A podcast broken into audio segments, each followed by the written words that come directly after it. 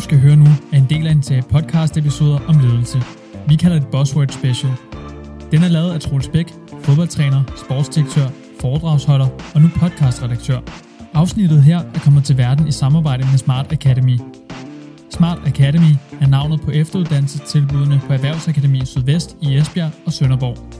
Serien bliver udgivet eksklusivt på smartacademy.dk, inden den senere kommer hos podcastmediet Mediano. Her skal du holde øje med kanalen Mediano Magasinet.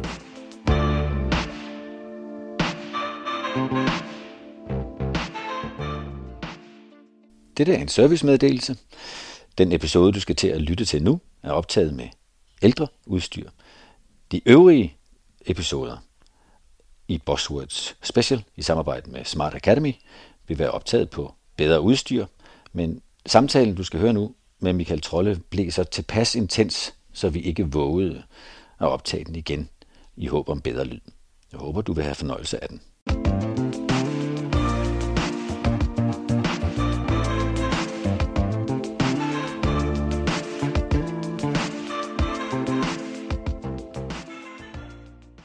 Velkommen til en ny serie. Vi kalder den Bosworth Special. Den er lavet i samarbejde med Smart Academy. Det er en del af Erhvervsakademiet Sydvest, som har afdelinger i både Esbjerg og i Sønderborg. Og her vil vi sætte fokus på ledelse og kampen for at blive bedre.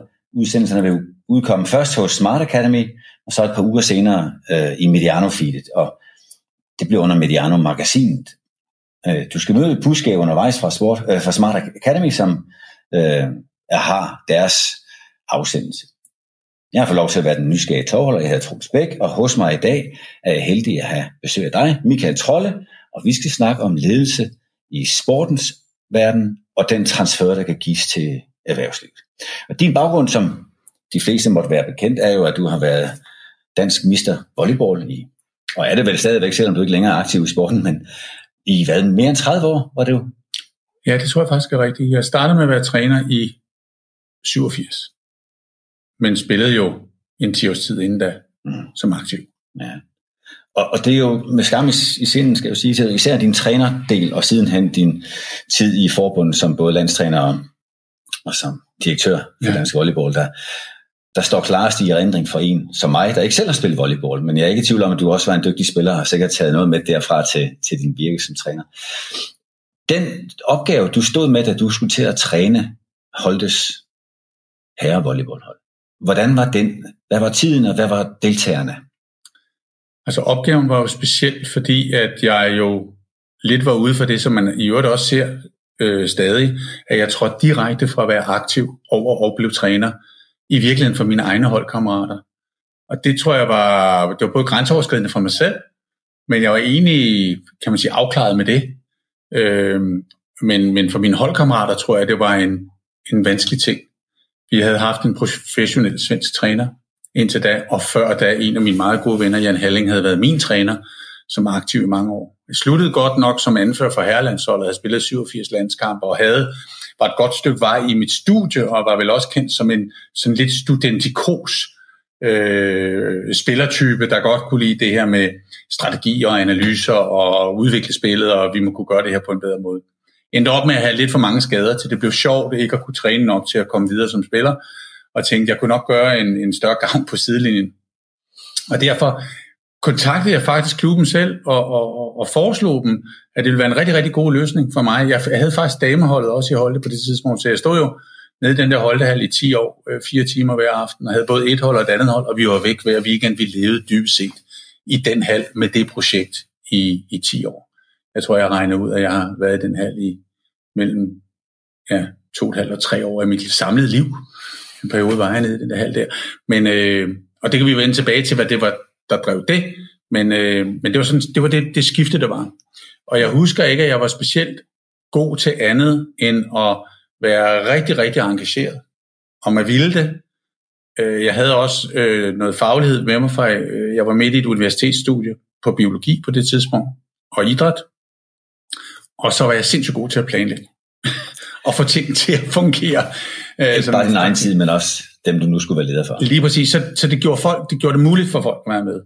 Men, men omkring teamledelse, udvikle mennesker, motivation og forstå alle de der ting der, der var jeg jo renon i fire farver, vil jeg sige. Okay, så, så det, at du var dedikeret, var den første og største egenskab, og så kunne du organisere din tid. Det tror jeg, ja. Det ville jo ikke slå til ret længe i ret mange lederskab, sport eller erhvervsliv Nej, som sådan. nej. Og, øh, hvad skulle du bygge på for at kunne blive den leder, du endte med at blive i først sporten og siden erhver- erhvervslivet? Altså jeg tror, at for det første var der kulturforståelse. Der kan man sige, der var jeg jo heldig, fordi vi i princippet havde opbygget noget, vi kaldte Holte Ånden. Som jeg Også inden du blev træner. Ja, og som egentlig hang i væggene, øh, kan man sige, og som jeg egentlig havde en mulighed for at overtage. Og jeg kan huske, jeg også sagde, jeg kan huske på den første lineup, jeg overhovedet havde med, med holdet. Og det var også den tid, det var sådan noget med, at spillerne stod på en lang række efter en anden efter højt, så skulle man se, hvem der ikke var der, og dem, der ikke var der, der skulle de ringe til mig og, og, og, og, give mig afbud til holdet. Man melder aldrig afbud til sin træner, man melder afbud til sit hold. Og så nogle helt specielle artefakter, øh, som, var, som var en del af værdibeskrivelsen sådan set, øh, som spillerne også ville holdet. Og jeg sagde, at øh, de måtte give mig et halvt år med afstand til at bevise, at jeg godt kunne håndtere den her opgave her. Og så tror jeg, jeg har tænkt på, hvad var mine styrker, og så gik jeg ligesom ind og prøvede at bygge på det, og så prøvede at lære det andet. Og det, det kom så også ved, at jeg tror, jeg rettede mit udsyn selvfølgelig meget ind på fagligheden på universitetet, og var enormt heldig at komme i nogle fantastiske grupper der. Øh, med, de er alle sammen professorer i dag, dem jeg var i gruppe med, så Løvin Andersen, meget en kendt mand i fodboldens verden, Per Ågaard, lavede jeg speciale sammen med, han er professor i Odense i dag, biomekanik, Jens Bøjsen Møller, Mm. kom tilbage fra Norge, kan nogle ting. Vi var alle sammen som gruppe sammen, øh, så det flyttede sig hurtigt på den front. Og så var jeg den irriterende unge træner, som tror jeg tog ud til alle verdensmesterskaber og spottede de der rollemodeller, jeg havde. Hvor Doc Beal, som var den helt største på det tidspunkt, jo tror jeg måtte overgive sig. Men ham det er den irriterende dansker, der altid satte sig ved siden af og skulle vide, hvad den forkromede vej var til verdensklasse succes. Og han sagde, Michael, der er mange måder at gøre det på. Og så var jeg jo dybt frustreret. Ja, det er jo det. Jeg tænker, som ung leder der, og træner i det her tilfælde, Ja, der er verden jo nem, øh, hvor man starter med at definere det område, man nu selv synes er det vigtige. Typisk et, man kan noget indenfor, Ja. og så har man alle forudsætninger for at være forberedt, og så er det rimelig svært for andre at bringe en ud af balance. Ja. Lige indtil man opdager, at der er mange veje til succes, og der faktisk er så meget mere end den lille firkant, du selv valgte at tegne på, Ja. på dit bræt. Den frustrationsperiode må du også have været i, eller var det ikke frustration, men bare nysgerrighed, eller hvad drev du det? nej, jeg vil sige, at nej, det var, det, jeg, et spørgsmål er super godt på den måde, fordi det var jo drevet af en brændende lyst til at komme dybere lag ned i forståelsen af, hvad den her idræt handlede om. Altså idrætsgren handlede om. Og det tror jeg egentlig på en eller anden måde balancerede frustrationen, for du har fuldstændig ret. Det er jo frustrerende ikke ligesom at kunne finde ro i, at det er sådan her, man gør. Agtigt. Ja. Ikke? Øh, så, øh, så jeg lærte i virkeligheden på det tidspunkt lidt, øh, vi skal måske også ind og berøre på et tidspunkt den her Dreams and Diesels bog, som, som er skrevet med sammen med Jim Hammond Snabe, at det var i virkeligheden øh, balancen i at anerkende, eller erkende, at det rum findes ikke. Du lukker hele tiden nye døre op, så du er egentlig bare i gang med at lukke døre op, døre op, men de arenaer, du kommer ind i, er, øh, giver dig så meget værdi at få lov at kigge ind i dem, og give dig muligheden for at integrere det i din måde at arbejde på, at det i virkeligheden er det hele værd. Øh, hvis man kan komme på den rejse og teste det af med, med, med alle mulige omkring sig, så, så gradvist begynder der jo at ske et eller andet. Så tror jeg, man skal have en meget god forståelse for at, at bruge selvfølgelig enormt meget konkret viden og analyse, men du skal også være enormt dygtig til at frisætte din intuition. Og du bekendt, bekendt med det, eller bevidst om det allerede i, i, for 30 år siden, eller mere? Nej, jeg tror, jeg tror, hvis vi skal kigge på os rollen, som vi senere hen taler om, den der lederrolle i forhold til business og, og, og sport, så tror jeg, en af de ting, sport kan, er, at vi kærer os. Dem, der hurtigt udvikler sig som træner og coaches, tror jeg, i den verden, som de der, jeg vil kalde det high performance team coaches, som, som troptræneren er i eliteidrætten for eksempel, øh, har en, en, en grundlæggende nysgerrighed, men også en, en om sig gribende og martrende næsten nogle gange øh, refleksionsevne eller mylder af tanker, som kan næsten være en dæmon for en nogle gange, øh, som martrer en, men kan du håndtere det, så kan du lære ekstremt hurtigt. Så dybest set har jeg den holdning, at hvis du omgiver dig i, med et system, de der vægge i Holte, de spillere, der var der, som jo var rekrutteret fra hele Danmark, fordi de ville det her, hele deres liv, alt det var det vigtigste i deres liv. Øh, enten så lærer du at være i det og håndtere det, eller også så klarer du det ikke. Altså, der er ingen mellemvej. Du kan ikke være nogenlunde i sådan et system. Du kan enten kun leve op til systemets krav, og være i det, og så, eller også fejler du. Så var der den meget store fordel, som jeg altid øh, har været glad for. Jeg fik jo meget fripas. Det var noget nyt. Øh, der var ikke et vist krav om resultatskabelse, fordi den var hele tiden god nok. Øh, at det var der forskellige grunde til. Men, men øh, jeg stod jo ikke over for situationen af, at hvis vi ikke vinder 10 kampe i træk, så er jeg her ikke mere. Altså, men, men, hvis du forstår, hvad jeg mener. Men, det er man jo ude for i andre. Men, men, men i takt med jeres succes, altså hvor mange 200 og hvor mange kampe i træk var det uden nederlag på dansk grund? Det var 230 kampe i træk, øh, og vi talte kun om det op mod de første 100. Altså, ja. Ja, hvis du forstår, hvad jeg mener. Fordi, ja. men, men, men idégrundlaget var jo ikke at slå en rekord. Nej. Altså dybest set, og jeg vil også godt være ærlig og sige, det kunne formentlig kun ske i volleyball på det tidspunkt. Man skal forstå, at volleyball havde noget på det tidspunkt, der hed serving point system. Mm. Det betyder, at du kunne kun score point, når du selv havde serven. Og da man i volleyball har markant nemmere ved at vinde serveretten tilbage, altså når modstanderen server på dig, så, øh, så har du første angreb selvfølgelig. Og på det tidspunkt ville gode hold mod dårlige hold vinde 8 ud af 10 første angrebssituationer, øh, eller vinde dem i den samme spilduel ved at få en nem bold tilbage, fordi du lægger pres med dit første angreb. Det er så lidt teknisk. Og det betyder, at hvis du er rigtig dygtig til den fase, så skulle du forhindre de andre i at score. Øh, så mm. dybest set ville du vinde rigtig, rigtig mange perioder, hvor du selv havde scoringsmuligheden, uden at de andre kunne score. Så, så, så i volleyball på det tidspunkt skulle du ikke være så markant meget bedre end de andre, for at du kunne kontrollere den del af spillet. Og det svarer lidt til, hvis man sagde i fodbold, at vi er så dygtige til boldbesiddelse, de andre kan ikke få fat i bolden. Dybt set. Mm. Altså de kan ikke få retten til at prøve at angribe næsten, for at score et point. Så hvis vi bare holder på bolden og scorer på de chancer, vi nu får ud af det, så kommer de andre aldrig over midterlinjen. Det er sådan lidt, så vil man kunne vinde rigtig mange fodboldkampe, eller i hvert fald spille uafgjort, men det kan vi ikke i volley. Der ja, kan du ikke spille uafgjort. Så, så det er også forklaringen, og det er også for at være lidt ydmyg over for det. Alt andet lige, så var det en mega præstation. Fire gange var det ved at gå helt galt. Altså fire gange var vi i situationer, i en situation, hvor bolden er over de andre. De skal bare hoppe op og slå ned over os. Den kommer ikke engang, den kommer bare op på netkanten. Jeg kan lige så tydeligt huske det med DOG over i Dalumhallen. Øh, og ham, der skal gøre det, bliver øh, for vild, et mærkeligt og laver fingerslag på bold. Altså, hvis bare var slået ned, så er der aldrig nogen, der havde talt om det. Det er også lidt tilfældigt. Men så blev I disrupted lidt øh, på øh, serving point? Ja, så, så, så, så, så, så kom der rally point score i stedet for op til mm. 25. Øh, altså hvor, hvor der er point på alle bolde? Ja, og så er det meget vanskeligere.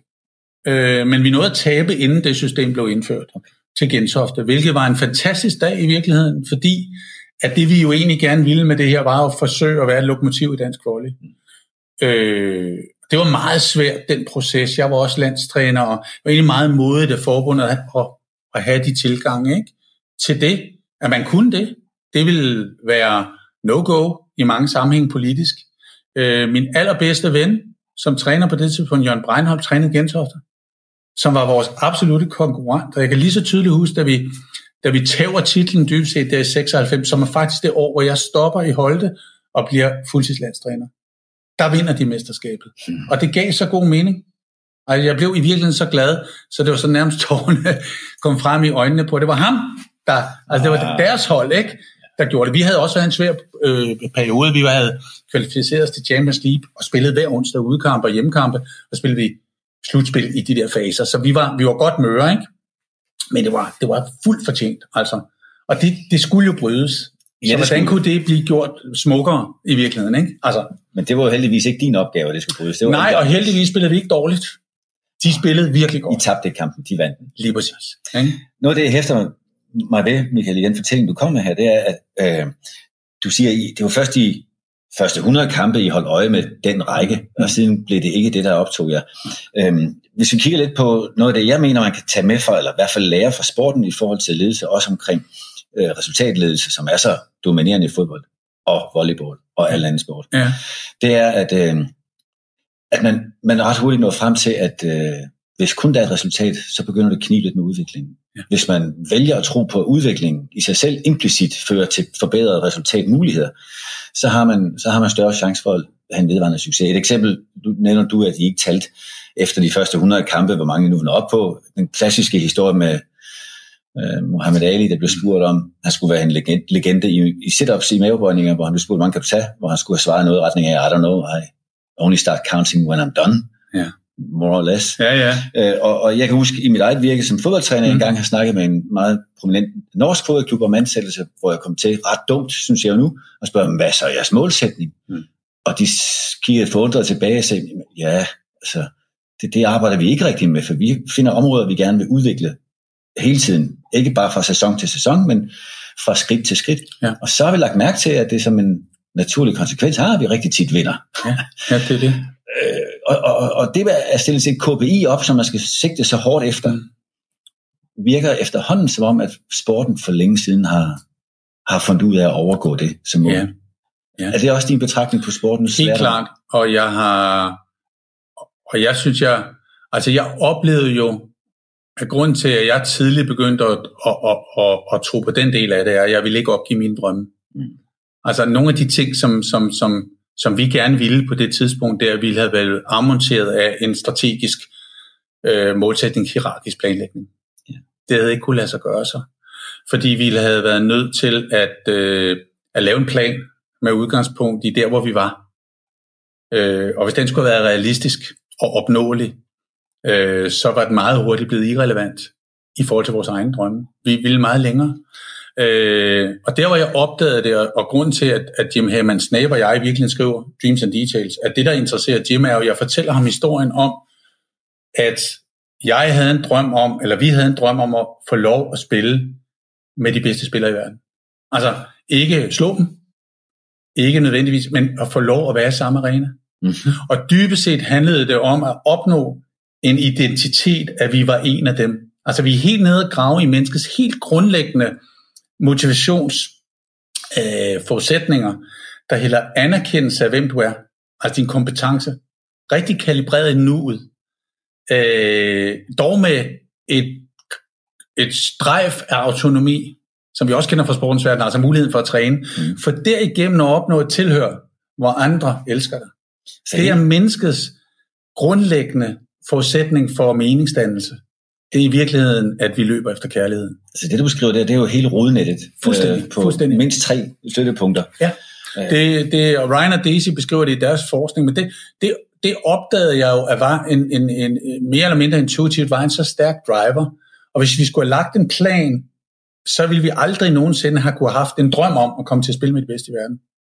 Så vi gik sådan set bare i gang jo. Altså, mm. øh, og øh, der kom mærkelige artefakter. En hårdeste træning på året var altid første træning efter et mesterskab. For eksempel. Mm. Fordi nu var de andre jo i gang. Så, som, og det er talsat vi. Som jo ofte var flere uger, måneder måske, før turneringen var slut. Ja, det kunne det være. Det kunne også være kort tid efter, fordi at vi nogle gange vandt mesterskabet i april. Mm. Og så brugte vi maj, juni og juli til at blive bedre i næste sæson. Altså vi ville ikke være lige så gode, som da vi vandt. Vi ville være markant bedre, end da vi vandt. Så det var egentlig ligegyldigt. Og, og, øh, og det der faktisk skete, og hvis nogen spørger mig i dag, hvad var egentlig unikt i den periode, så siger jeg, det jeg gerne vil huske for som træner, fordi mange vil sige, ah, katrol og volleyball, og I kom sgu aldrig til nogen slutrunde, og hvad var det egentlig, og så videre. Så siger jeg, vi kom til en slutrunde, det var den, jeg selv sørgede for i Danmark, da jeg var sportsdirektør. så, så var vi i hvert fald sportskvalificeret. Nej, men, men, øh, men, men det der jo rent faktisk skete, som var ret fantastisk, og som jeg synes understreger, hvor meget potentiale der er i den tænkning, vi kender fra sportens verden, det var jo, at da jeg tager øh, Holtes herrehold i 87, der bliver der skiftet rigtig mange spillere ud af min egen generation. For nogle drenge ind, nogle enkelte fra, fra Nordjylland, blandt andet en, der hedder Jens Larsen, som blev en af de bedste angriber i Europa efterfølgende. En, der hedder Jesper Lundtang fra Roskilde, kom op med 18-årig knægt ned fra Himmelev. Der blev sammen som en gruppe, men de var ikke meget mere end 16-17 år, kunne altså ikke særlig meget. Og i 91, der kvalificerer vi os til Final Six i Champions League. Det er verdens tredje største idrætsgren. Måske anden største på det tidspunkt på antal udøvere ikke? efter fodbold. Det er Champions League, ligesom vi kender det. Det er øh, et stærkeste kontinent, og det er uden en eneste professionel købt spiller. Det er kun danske drenge for sådan lidt det københavnske Roskilde-område, plus ind i Nordjylland. Med en træner, som var okay, Trolle var okay, men jo ikke rocket science endnu. Måske blev det det lidt senere. Jeg synes, der var nogle ting, vi kunne. Men, men fordi tilgangen var rigtig, så kunne man flytte det så meget. Der var i virkeligheden ikke en masse ting, der afsporede den meget, meget eksponentielle udvikling af disse drenge, som ved Gud var fysiske fra start af. Det var en stor fordel. Der er noget med nogle, nogle kriterier for udvalgelsen, der er vigtigt. Så de var meget store, et kæmpe hold, vi havde, ikke? som kunne blokere og spille volleyball på en helt speciel måde. Men det lærte mig jo, hold kæft, der ligger, altså, der ligger så meget udvikling i mennesket, som måske, og der begyndte jeg at tænke, udvikler vi i virkeligheden mennesket med alt for mange barriere? Hvad er det, der går galt? Find er det, vi går galt? Når det pludselig kan sætte af på den måde. Og jeg tror, man kan snakke med mange trænere, som har haft de der perioder, hvor de bare tænker, hold kæft, det ramte vi altså rigtigt det her. Det er garanteret også selv, Troels. Altså haft nogle... Jeg er lige knap på det niveau. Men nej, nej, men, men, men, men, men fodbolden er bare noget andet også, for nogle gange får man bare slet ikke lov. Men noget af det, jeg hæfter mig ved, det, det er præcis det med, når man laver sig et mål, der pludselig er godt nok. Altså fordi når målet er der, så, så er det jo nået på et ja, eller andet tidspunkt, ja, ja. hvis man udfører det godt nok. Mm. Og så er godt nok jo, jo begrænseren. Fordi ja. på den anden side er godt nok, må der være noget, der i hvert fald er bedre til at være godt. Præcis. Og det er, jo, det, er bare, det er jo helt den filosofi, vi taler om. Jeg kunne slet ikke holde ud at høre træner snakke om, at nu skulle de til at komme i form igen. Altså får man ikke noget, vi kommer ud af. Får man noget, vi er i. Ikke? Altså, og, og vi skal ikke tilbage på noget, vi har kunnet før. Hver gang vi kan noget, så er det dybest set bare en affyringsrampe for en yderligere udvikling. Ja. Altså det er jo, så i virkeligheden er det jo en filosofi. Og da Jim og jeg begynder at snakke om det her, så er det jo, vi slår os, at, at Jim siger, hold kæft, det der du taler om der, det kan jeg genkende ned i SAP. Han var jo software-mesteren dernede, ikke? second to none sammen med Bill McDermott og Hasso Plattner i hele den der SAP-transformation fra 10 til 14, hvor de jo fuldstændig stikker af med den virksomhed der ved at gå på cloud. Den, det er en lang historie, den bog, men hvor han siger, det der, det kan jeg genkende, siger han så. Men det er kun sket på nogle helt specielle tidspunkter hvor vi ramte lige det der, vi vidste, nu, nu forstår jeg, siger Jim, bliver jo rigtig glad for, at han er absolut en af de dygtigste, vi har på, det, mm. på sit felt, som erhvervsleder og bestyrelsesformand, hvor han siger, nu tror jeg, jeg begynder at forstå, hvad det var, der skete.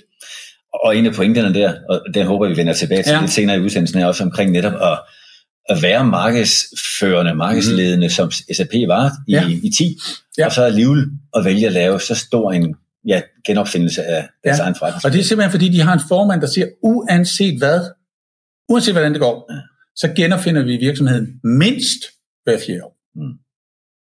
Altså, ja. og, og det er derfor, jeg synes, at, at, at hele den tilgang er så meget sport i virkeligheden. Men at jeg så må sige, at der er rigtig mange sammenhænge i sportens verden, hvor det ikke er sådan, og jeg synes det er forkert.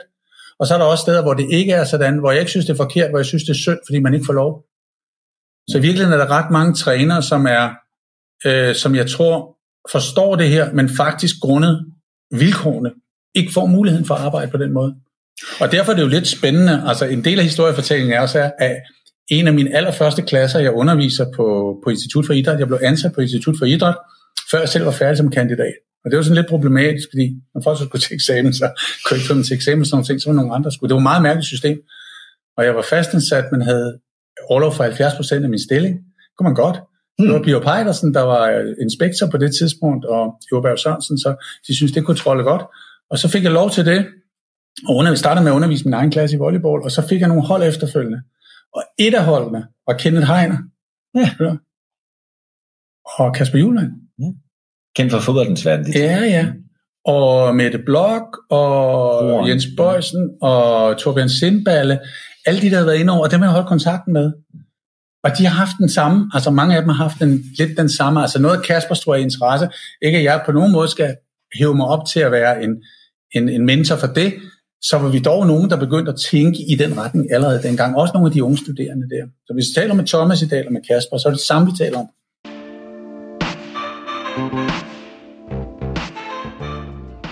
Hvis du ikke kender Smart Academy nu, så kommer du til det i det kommende år. I en tid, hvor meget er usikkert, så er det ganske sikkert, at efteruddannelse både kan hjælpe dig igennem og videre ud i nogle udfordrende, men spændende år. Hold øje med de fine muligheder fra transportfolket, teknikerne og salg- og markedsføringsentusiasterne, selv de digitale af slagsen. Så tøv endelig ikke med at tage kontakt, hvis du gerne vil snakke med en vejleder om mulighederne for at tilpasse et forløb til lige præcis dig og din virksomhed.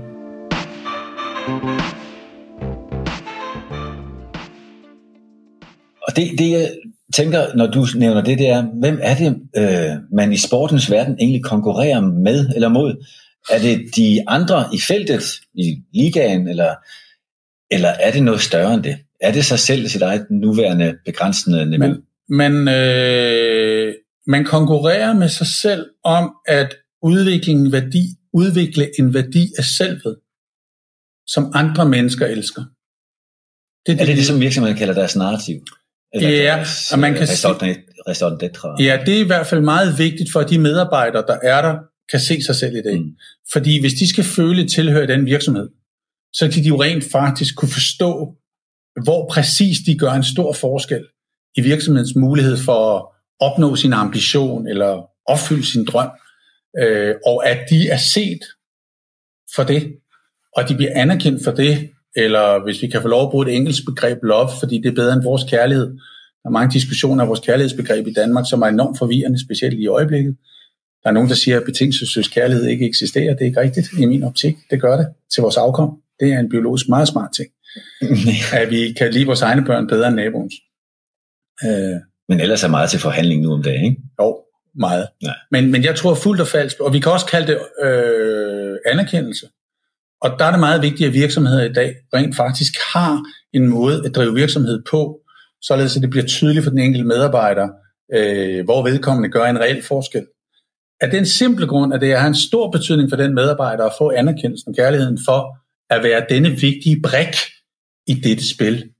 Og hvis det bliver usynligt, eller hvis det kommer til at blive udlevet på en plan, som er irrelevant i forhold til, hvordan virkeligheden udvikler sig, så opstår der jo meningsløshed. Og så opstår der den situation, at man holder op med at være drevet af de bedst tænkelige motivationsmidler, som jo er den integrerede, meningsdannende motivation. Altså, jeg er rigtig i det, vi gør. Så er der nogle andre elementer af det. Jeg er okay, fordi jeg gør det for nogle andre. Det kan man godt føle lidt for sine børn, eller det holdt man træner en gang imellem. Eller jeg er skyld, jeg skylder nogen noget, altså den dårlige samvittighed. Og de virkemidler er meget stærkere faktisk, end jeg er nødt til at gøre det for at få en belønning. Men, men det, nu snakker vi lidt om, om uh, motivationsstrukturer, mm. uh, vel sagtens. Ja.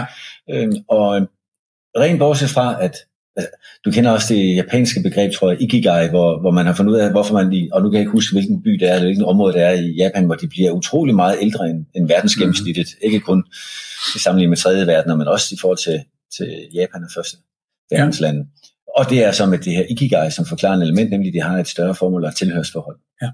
Men, men hvis man kigger ind på motivationsstrukturerne, mm. øh, med det, den erfaring, du har fra henholdsvis sporten og nu også mere og mere i erhvervslivet, øh, Øh, er der en væsensforskel i den dominerende form, hvis der er en, øh, hvis de karaktertræk, der er ved motivationen i sporten, sat over for, for øh, erhvervslivet?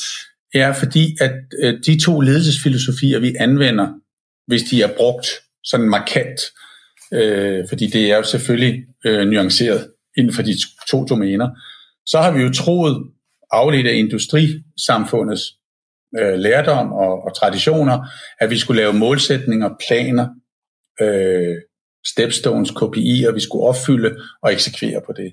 Og så har vi placeret mennesket som en ressource på det. Og det vil sige, at du egentlig har været ret fastlåst i en speciel model, og, øh, og specielt hvis det ikke har passet i øvrigt, fordi det er jo det, der er svære nu med disse øh, gamle strategiske tilgange, de passer jo ikke i den moderne verden, vi lever i i dag.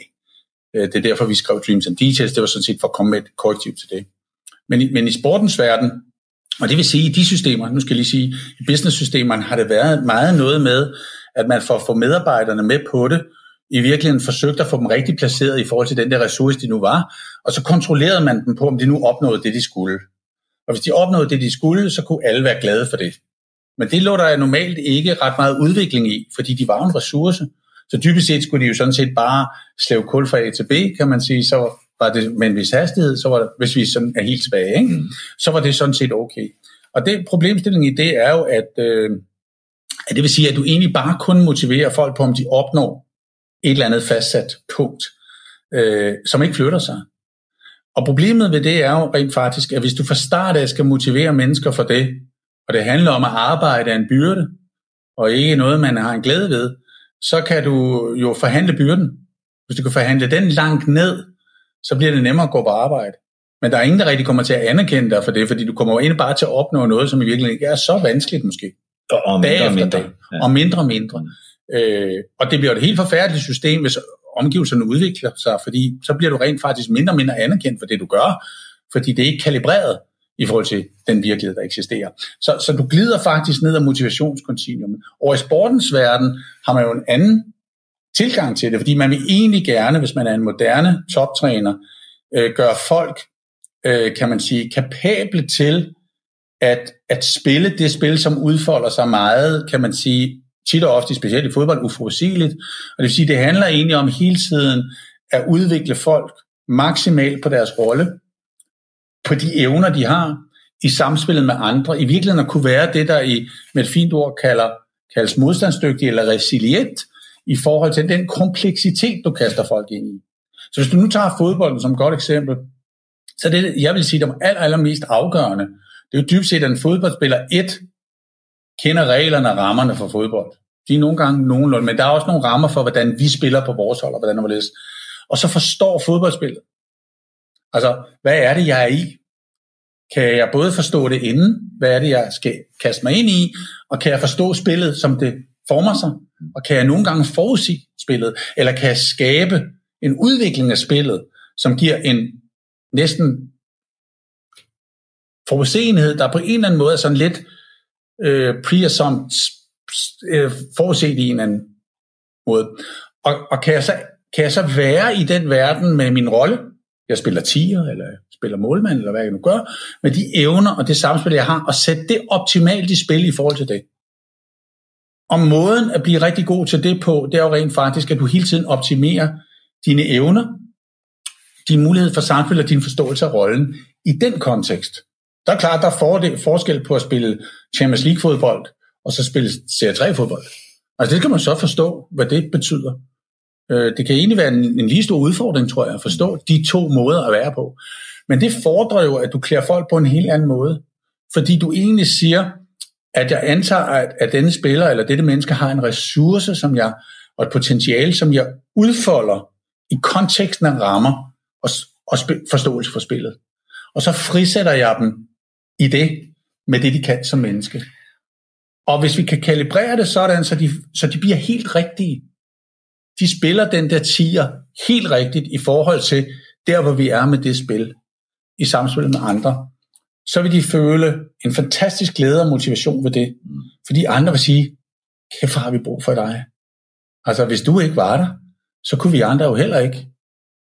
Så dig kan vi godt lide. Dig vil vi gerne kramme, hvis vi må kramme øh, for det. Det opnår du ikke i det andet system. Og det er jo den, man har fejlet i industrisamfundet. Man har simpelthen ikke fået lavet den transformation af ledelsesmodel over til en model, der i højere grad håndterer en moderne forretningsverden, og som i virkeligheden dybest set ligner sportens. Øh, og det havde jeg svært ved at komme ind i og forstå, indtil jeg mødte Jim Heyman Snape, som sagde, Michael, det er ikke dig, der har misforstået det det er os, der skal til at gøre det meget, meget mere i den retning. Så jeg kan ikke forstå det, Jim siger så, fordi jeg holder rigtig mange foredrag for erhvervslivet. Når jeg går ud, tager de mig om skulderen og siger, øh, Michael, super interessant. Nu skal vi forklare dig, hvorfor det ikke er sådan i vores verden. og det har jeg troet på. Ja. Det tror jeg ikke mere på. Nu tror jeg, det er ret ens. Ja, og, hvis det gøres rigtigt. Og, og så, så, hvis jeg nu korrigerer mig, hvis jeg ikke har hørt ordentligt efter, men det, som jeg synes, jeg hører, det er netop, at fordi sportens verden er så bevidst om, at aktørerne slippes fri. Med mm. Godt nok en, en struktur, et ønske, ja. men en plan kan du ikke garantere, fordi der er så mange modstandere og så meget øh, ja. samspil, mm. så planen må du undervejs opgive mod at bytte det for et større fælles billede, en drøm om noget, der skal opstå undervejs. Ja. Og de spillere, der kan håndtere det, Troels, vil jo føle en, en fantastisk evne til at være modstandsdygtige i systemet. Det er også derfor, vi ikke kan leve med øh, filosofer, psykologer og alt muligt andet, der er ude at tale om, at vi skal gå tilbage, og vi skal stå stille, og vi skal ikke... Altså, livskvaliteten for det moderne menneske er at kunne leve i den moderne verden. Håndtere den. Og det er jo at, at være resilient, modstandsdygtig, kunne klare det. Kunne klare spillet, dybest set. Det fordrer også nogle valg nogle gange, så må man finde ud af, hvad er det for nogle idrætsgrene i vores liv, vi vil spille, og hvordan vil vi gøre det. Men, men, men, men det menneske, der får den største kvalitet i sit liv, vil være de mennesker, der finder den balance i livet, tror jeg. Og den uh, resilience, den, ja. den modstandskraft, den bliver for alvor sat til prøve, når der er en massiv forhindring. mod det, som man vil opnå. Og der synes jeg jo, at sporten må tilbyde erhvervslivet rigtig meget viden, fordi sport handler jo ikke om at have en vinderkultur. Det handler om en, en overvinderkultur. Ja. Kultur, en, en, ja. en evne til at sige, der er modstand, der er den dårlige kendelse, der er den forfærdelige ja. aflevering, ja. der, og stadigvæk holde sig selv øh, inden for det, der er ens bedste performance-zone, øh, ja, med et fokus, der hjælper. Fuldstændig korrekt. Altså sådan en, en meningsfuld præstationskultur. Ja.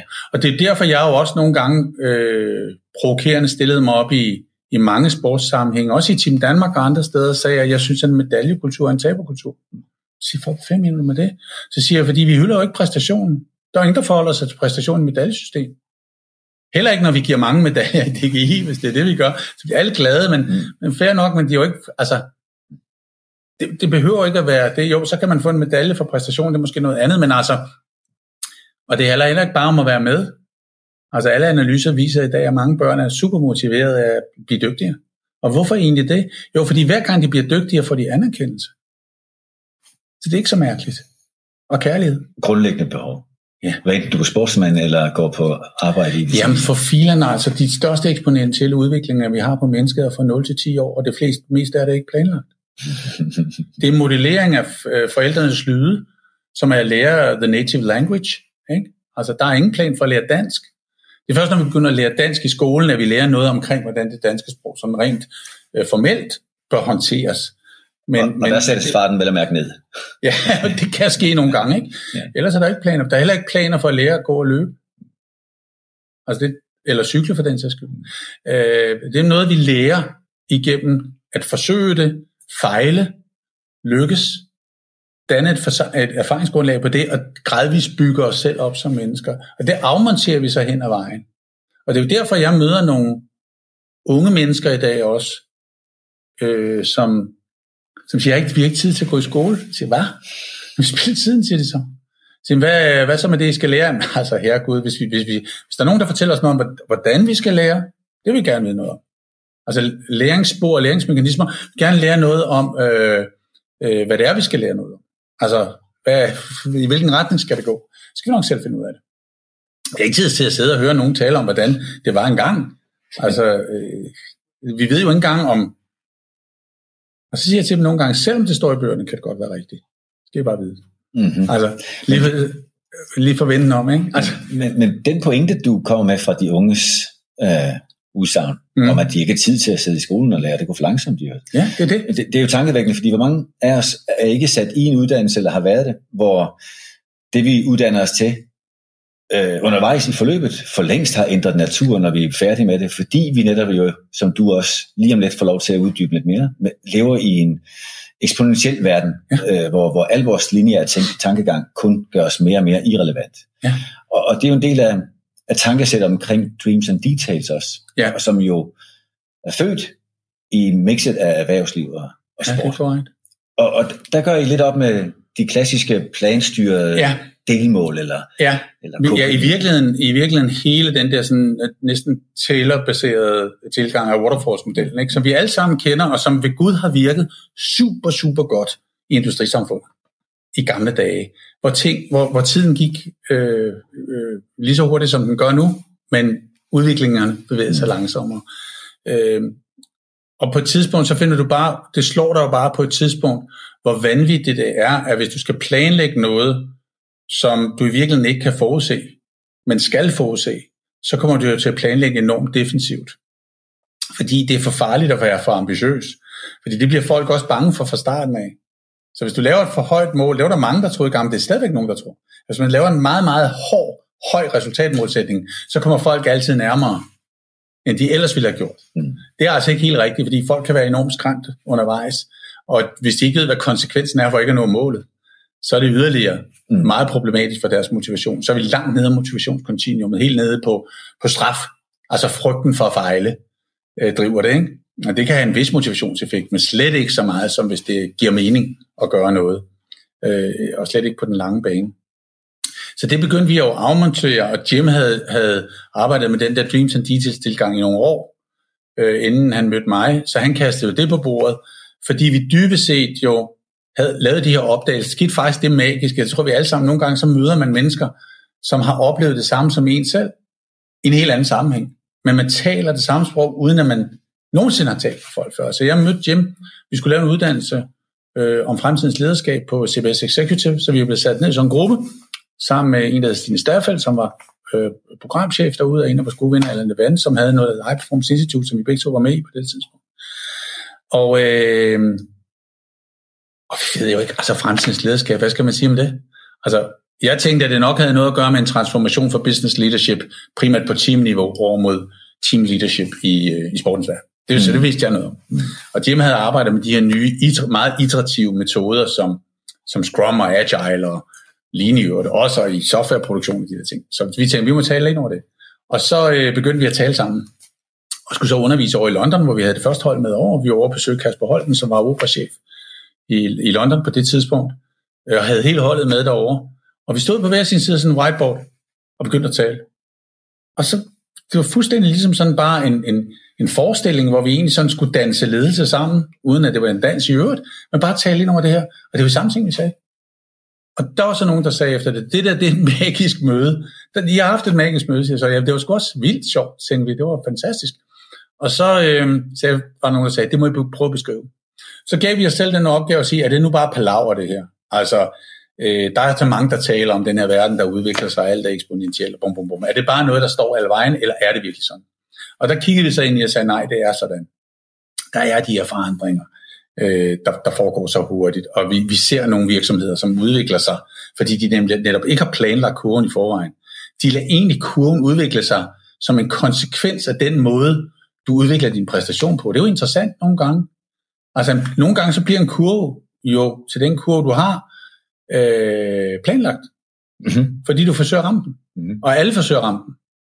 Og alle er blevet enige om, at hvis vi rammer den, så er det en selvopfyldende profeti, så er alt godt. Så hvis vi bare ligesom gør den defensiv, så alle kan ramme den, så ser det ud som om alt er godt. Men, men du ved overhovedet ikke, om den kunne blive meget, meget, meget bedre. Og derved ser du jo nogle virksomheder, som stikker af i forhold til øh, Jim Collins i bogen From Good to Great Start kom det der level 5 leadership. Det er første gang, han sådan begynder at touche lidt på det der, hvor filer nogle virksomheder, der pludselig sådan hockeystiksagtigt stikker for alle de andre i markedet, og markedsforudsætningerne for alle de virksomheder er ens.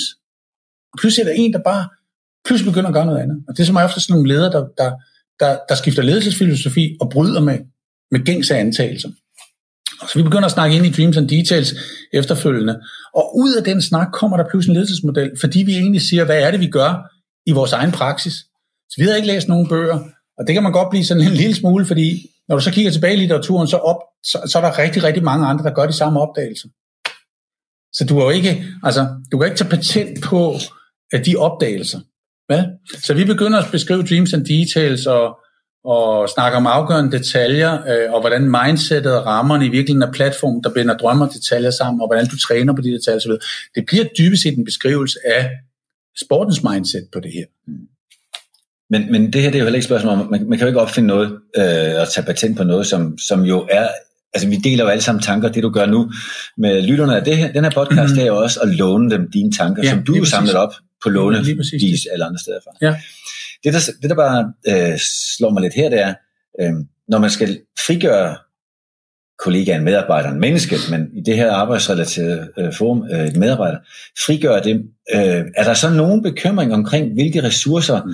der vil øh, blive fribragt, frigjort der? Er der, ja. er der kan, man ja. tænke, kan man tænke negative konsekvenser? Ja, det, det synes jeg godt, man kan. Altså, altså meget ulig den tankegang, der i øvrigt ligger i Dreams and Details, ja. vi starter med at finde faldgrupperne. Men... Ja, ja, ja. Ja, altså man kan sige, at i første omgang, så øh, er det godt at starte med et, et blankt stykke papir nogle gange i virkeligheden, ikke? Mm. Og sige, altså det vi jo gør dybest set, det er, at vi, vi starter med at have en meget indgående snak om, hvad er fremtidens arena, hvor skal vi spille i, i business language, vil man jo bruge, hvad er, hvad er værdikæden. Værdikædeanalyse, ikke? Så laver mange den fejl, at de laver en værdikædeanalyse af, hvordan det ser ud nu. Vi skal jo forestille os, hvad fremtidens værdikæde bliver. Eller hvad er det for en slags fodbold, vi skal spille i fremtiden? Mm. For hvis det er den arena, vi gerne vil spille i, så skal vi jo øve os på nutidens fodbold. Så skal vi nå ud på fremtidens fodbold. Og det samme med share wallet, altså hvor mange har så lyst til at komme hen. Jeg plejer at sige, hvor, hvor mange har lyst til at komme hen til den kaj, hvor vores skib ligger til. Altså den kaj, der blev bygget, mens vi sejlede derud. Fordi vi godt vidste, at havnen ville blive udbygget med disse nye kajpladser til disse nye skibe, der kom ind, der havde nogle helt nye dele af værdikæderne med, som var i den her arena. Og lagde til det, og det var så i øvrigt det, alle blev over og sagde, hvor er det dejligt, I kommer med de her ting. Det er det, vi har ventet på. Og de gamle kajpladser er tomme. Der er ingen, der ligger til der mere. Og de skibe, der var der, sejlede ud og gået ned.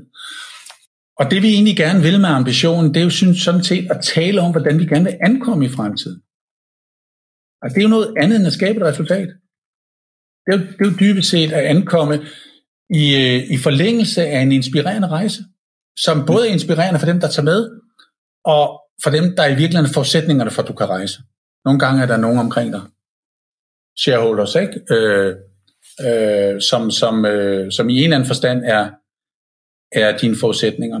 Og, og, og det, der sker i det system, det er jo, at du dybest set afmonterer antagelsen om, at du kan regne den ud. Ikke? Og det der, det, der er farligt nogle gange, det er, at vi tror, vi kan regne den ud. Men det kan vi ikke. Vi kan ikke regne den ud. Men vi kan gøre det muligt for os at bevæge os derud, og så senere hen finde ud af, at vi, vi, vi fandt vej.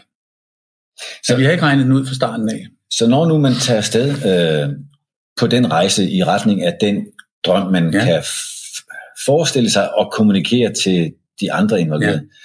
så, så er det jo en sårbar proces, fordi alle kan jo vælge at trække en anden retning. Ja. Men, men har man delt drømmen? Ja, det er, det er fuldstændig afgørende. Altså, hvis jeg kigger på, på vores tilgang til det, så toplederens ansvar, det er jo i virkeligheden i virksomheden at kunne formulere drøm. Sætte retningen. Beskrive ambitionen som sådan, vi ankommer, og hvorfor det er inspirerende. Så har vi en platform mellem drøm og detaljer. Drømmen er oppe i toppen, detaljerne i bunden. Så har vi en platform i midten, som hedder mindset og rammer. Og mindsetet og rammerne er dybest set der, hvor toplederen og teamlederen møder hinanden og forhandler. Hvordan er oversættelsen af drømmen ned til holdet? Det er mindsetet. Hvordan tænker vi at spille det spil? Hvordan tænker vi at arbejde med denne virksomhed? Således, så når jeg om lidt møder mit hold, siger teamlederen eller funktionslederen, så skal jeg jo kunne forklare, hvordan vi skal spille spillet. Jeg har et hold her, der skal spille det mindset på nogle givende rammeforudsætninger, for vi rent faktisk kan, øh, kan ramme ambitionen. Og der er det sjovt nogle gange i det møde at finde ud af, at nogle gange kan, kan det også være begrænsningernes kunst. Altså, der, altså øh, nogle gange så kan vi, for eksempel så i SAP i Jims situation, der var det jo, at deres mindset var, at de ville nå øh, 15% af verdens befolkning. En milliard mennesker med deres software. Og så sagde folk jo, at, øh, og det var lige der, hvor de skulle gå på cloud, og de havde haft de her store mainframe-systemer øh, øh, med, øh, i kælderne og køle systemer omkring sådan en megacomputer i kælderne hos virksomhederne. Og så sagde softwareingeniøren, det kan jo ikke lade sig gøre. Nej, sagde så. Det kan det ikke. Ikke med den gamle måde. Jamen, så er vi nødt til at gøre det på en anden måde. Det er en god idé. Jamen, så kan vi jo slet ikke øh, beskrive software, som vi har gjort før. Så må vi jo gå direkte i gang med at programmere det. Altså, eller frem for at gå direkte i gang med at, at træne det, ikke? Og så siger, at vi kan slet ikke lade gå så lang tid, før kunderne kommer ind og prøver, om det er noget, der de synes er interessant. Jamen, så træk den tidligere ind. Vi er også nødt til at teste undervejs. Og der opdagede jeg nogle ting. TV Drama, som jeg var ude hos, hos Ingolf Gabold i to år, det var sådan set hemmeligheden bag at vinde Emmy'er det var, at de, de mens de skrev og producerede, lod folk se det, fordi de startede med at lade os se søndagsdramatik, da de har produceret øh, femte afsnit i forbrydelsen. Mm. Men der var 10. Og så kunne de begynde at se, hvordan folk agerede på det her. De involverede skuespillerne, de lod forfatteren være kongen af det, så vedkommende kunne egentlig skrive det undervejs.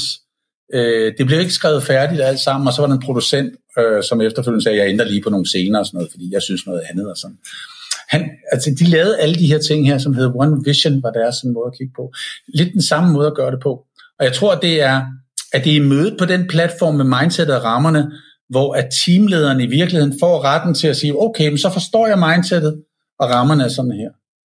Og det kan nogle gange være den her begrænsning også, at Peter Langdal kom i gamle dage på, så jeg skal have 30 skuespillere til at spille, øh, øh, jeg ved ikke, om det var Christian 3. eller Henrik Norden, eller hvad det var. Og så siger Henrik Hartmann, øh, Peter, du kan få en. Fint, sagde Langdal så. Skal vi fylde teateret op resten af sæsonen? Jamen, vi har kun til en skuespiller. Så tager jeg Jesper Christensen, og så laver han en monolog på tre timer. Han blev en kæmpe succes. Fordi at du laver det benspænd, at den antagelse, du har om, hvad der skal til, der ændrer du din platform i rammesætning og mindsetet, så du er alligevel nede på de afgørende detaljer for at nå ambitionen. Genfinder dig selv og din måde at gøre tingene på i en fuldstændig anden kontekst. Og det kan vi også se i nogle idrætsgrene, at der har været de her disruptions, som så er interessant at se, hvornår sker det. Så når du har fået identificeret, okay, nu har vi mindsetet og rammerne på plads, så skal du arbejde med de markante sæsonskift på ryggen af en eksisterende styrkeposition. Det er det allerbedste. Altså en brændende ønske frem for en brændende platform. For at kunne løfte dig selv fra det. Men det er faktisk en yderligere vanskelighed. Fordi jo bedre det går, jo sværere har mennesket ved at have lyst til. Og derfor var det jo fint, er det fint, når man har nogle artefakter. Altså det der med i Holdet, at det var hårdeste træning året, dagen efter, at man havde vundet mesterskabet. Ikke? Altså den der, eller øh, at man, man i, i SAP der sagde, uanset hvad, så, ja, så skal vi genopfinde os selv hver fjerde år. Som om vi nærmest var gået rabundus. Altså. Mm. Og logikken bag det, det er, at al planlægning er lineær betonet. Præcis. Og al udvikling omkring os i Disruption 2020 er eksponentielt. Ja, og det kan du ikke forudsige. Du kan ikke forudsige de der eksponentielle udviklinger. Altså ikke særlig godt i hvert fald. Og hele det her er noget med at forstå mennesket bag. Fordi hvis du ikke kan forudsige noget, og du bedømmer mennesket på noget forudsigeligt, så får du dem aldrig til at gå efter det uforudsigelige. Det skal man sådan lige forstå, at hvis du binder mennesket op på kærlighed omkring at opnå noget planlagt, så bliver det der. Hvis du anerkender dem for deres rejse imod noget uforudsigeligt, som en opdagelsesrejsende i øvrigt, og derfor ligger lederskabet i Dreams and Details meget op i det virtuose, som vi kender lidt fra kunst, sport også, opdagelsesrejsende, udviklingsarbejde, forskningsafdelinger, ligger derovre når man kigger lidt på, hvad, hvad er det, der virker. Fordi disse godt ved, at de skal anerkendes for at komme ud i nyt land. Men det ligger også, tænker jeg højt, du kan afmontere det så, hvis du vil, øh, ligger også øh, mere inden for brancher, der er first movers end, end øh, fast followers. Ja, det kan det sagtens gøre, fordi fast followers kan være i den situation, at de rent faktisk ikke er i stand til at fjerne de der barriere. Mm. Så det er den svære ting ved det. Omvendt ved at være second in line, kan være, at du nogle gange ikke behøver at lave helt de samme fejl, som first movers har lavet. Så for eksempel Apple omkring deres iPod, de var ikke first movers på det. Der var MP3-spillere før iPod'en. Øh, de var heller ikke first movers på scrollhjulet. Det var BO faktisk. Og de kom med to gange fra Apple, med hele rosset til stroer. Og BO sagde til Apple, vi er ikke klar endnu til at dele det med jer. Så sagde Apple, vi laver det selv, og vi tager retssagen. Ja. Altså, som Apple jo så bare gør, ikke? Måske skulle BO have været hoppet med der. Måske havde de været en stærk integreret. Det er jo også helt forkert at sige, at Apple måske har været en lille smule brede af BO's design. Hvis man sådan kigger på det der vej rundt. Jeg er gift med en kunstner. Hun øh, har nogle gange forsøgt at få mig til at forstå, at det du planlægger dig ud af, det giver jo kun det forventede, i bedste fald, hvis alting spiller. Er Men der, hvor det bliver mulighed for kreativ, det er, når der kommer en forstyrrelse. Ja. Og for at kunne håndtere forstyrrelsen, er du nødt til at have noget faglighed og noget nysgerrighed. For ellers så vil du hverken være i stand til at reparere på den forstyrrelse og skabe noget nyt, det er meget, meget klogt, eller være, være nysgerrig nok på, hvad ja. det så giver muligheder. Ja, og i øvrigt være modstandsdygtig over for det fornyelsen påfører dig. Nemlig resilient. Præcis. Er du resilient? Ikke? Ja. Så når du snakker om benspænd, så tænker jeg, at det kræver nogle af de samme ting, men så også en, en drøm. Ja. Fordi en, et benspænd mod en drøm giver mulighed for at gøre noget nyt. Et benspænd uden drøm er jo bare et setback. Lige præcis, og det er rigtig, rigtig, rigtig vigtigt det her, fordi at vi jo så siger, dreams and details, hvis man kigger på det, fungerer jo først, når drømmen er så inspirerende, at den rent faktisk skaber et ekstremt brændende ønske.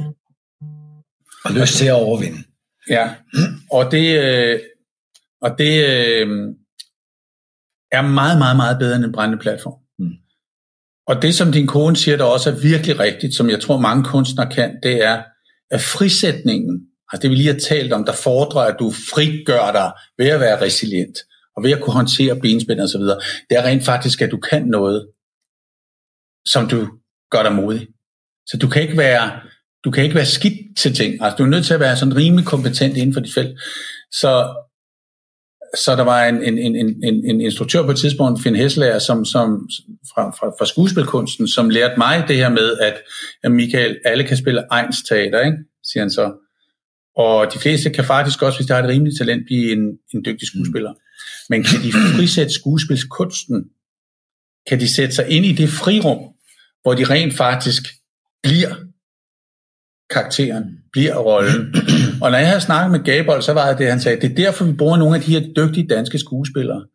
Fordi målet med at bruge Mads Mikkelsen er, at der skal ikke gå meget mere end en halv serie med ham. Så snakker folk ikke om, det er Mads Mikkelsen, der spiller rollen. Så snakker de om den person, han spiller. Og det kan de skuespillere, der kan det her.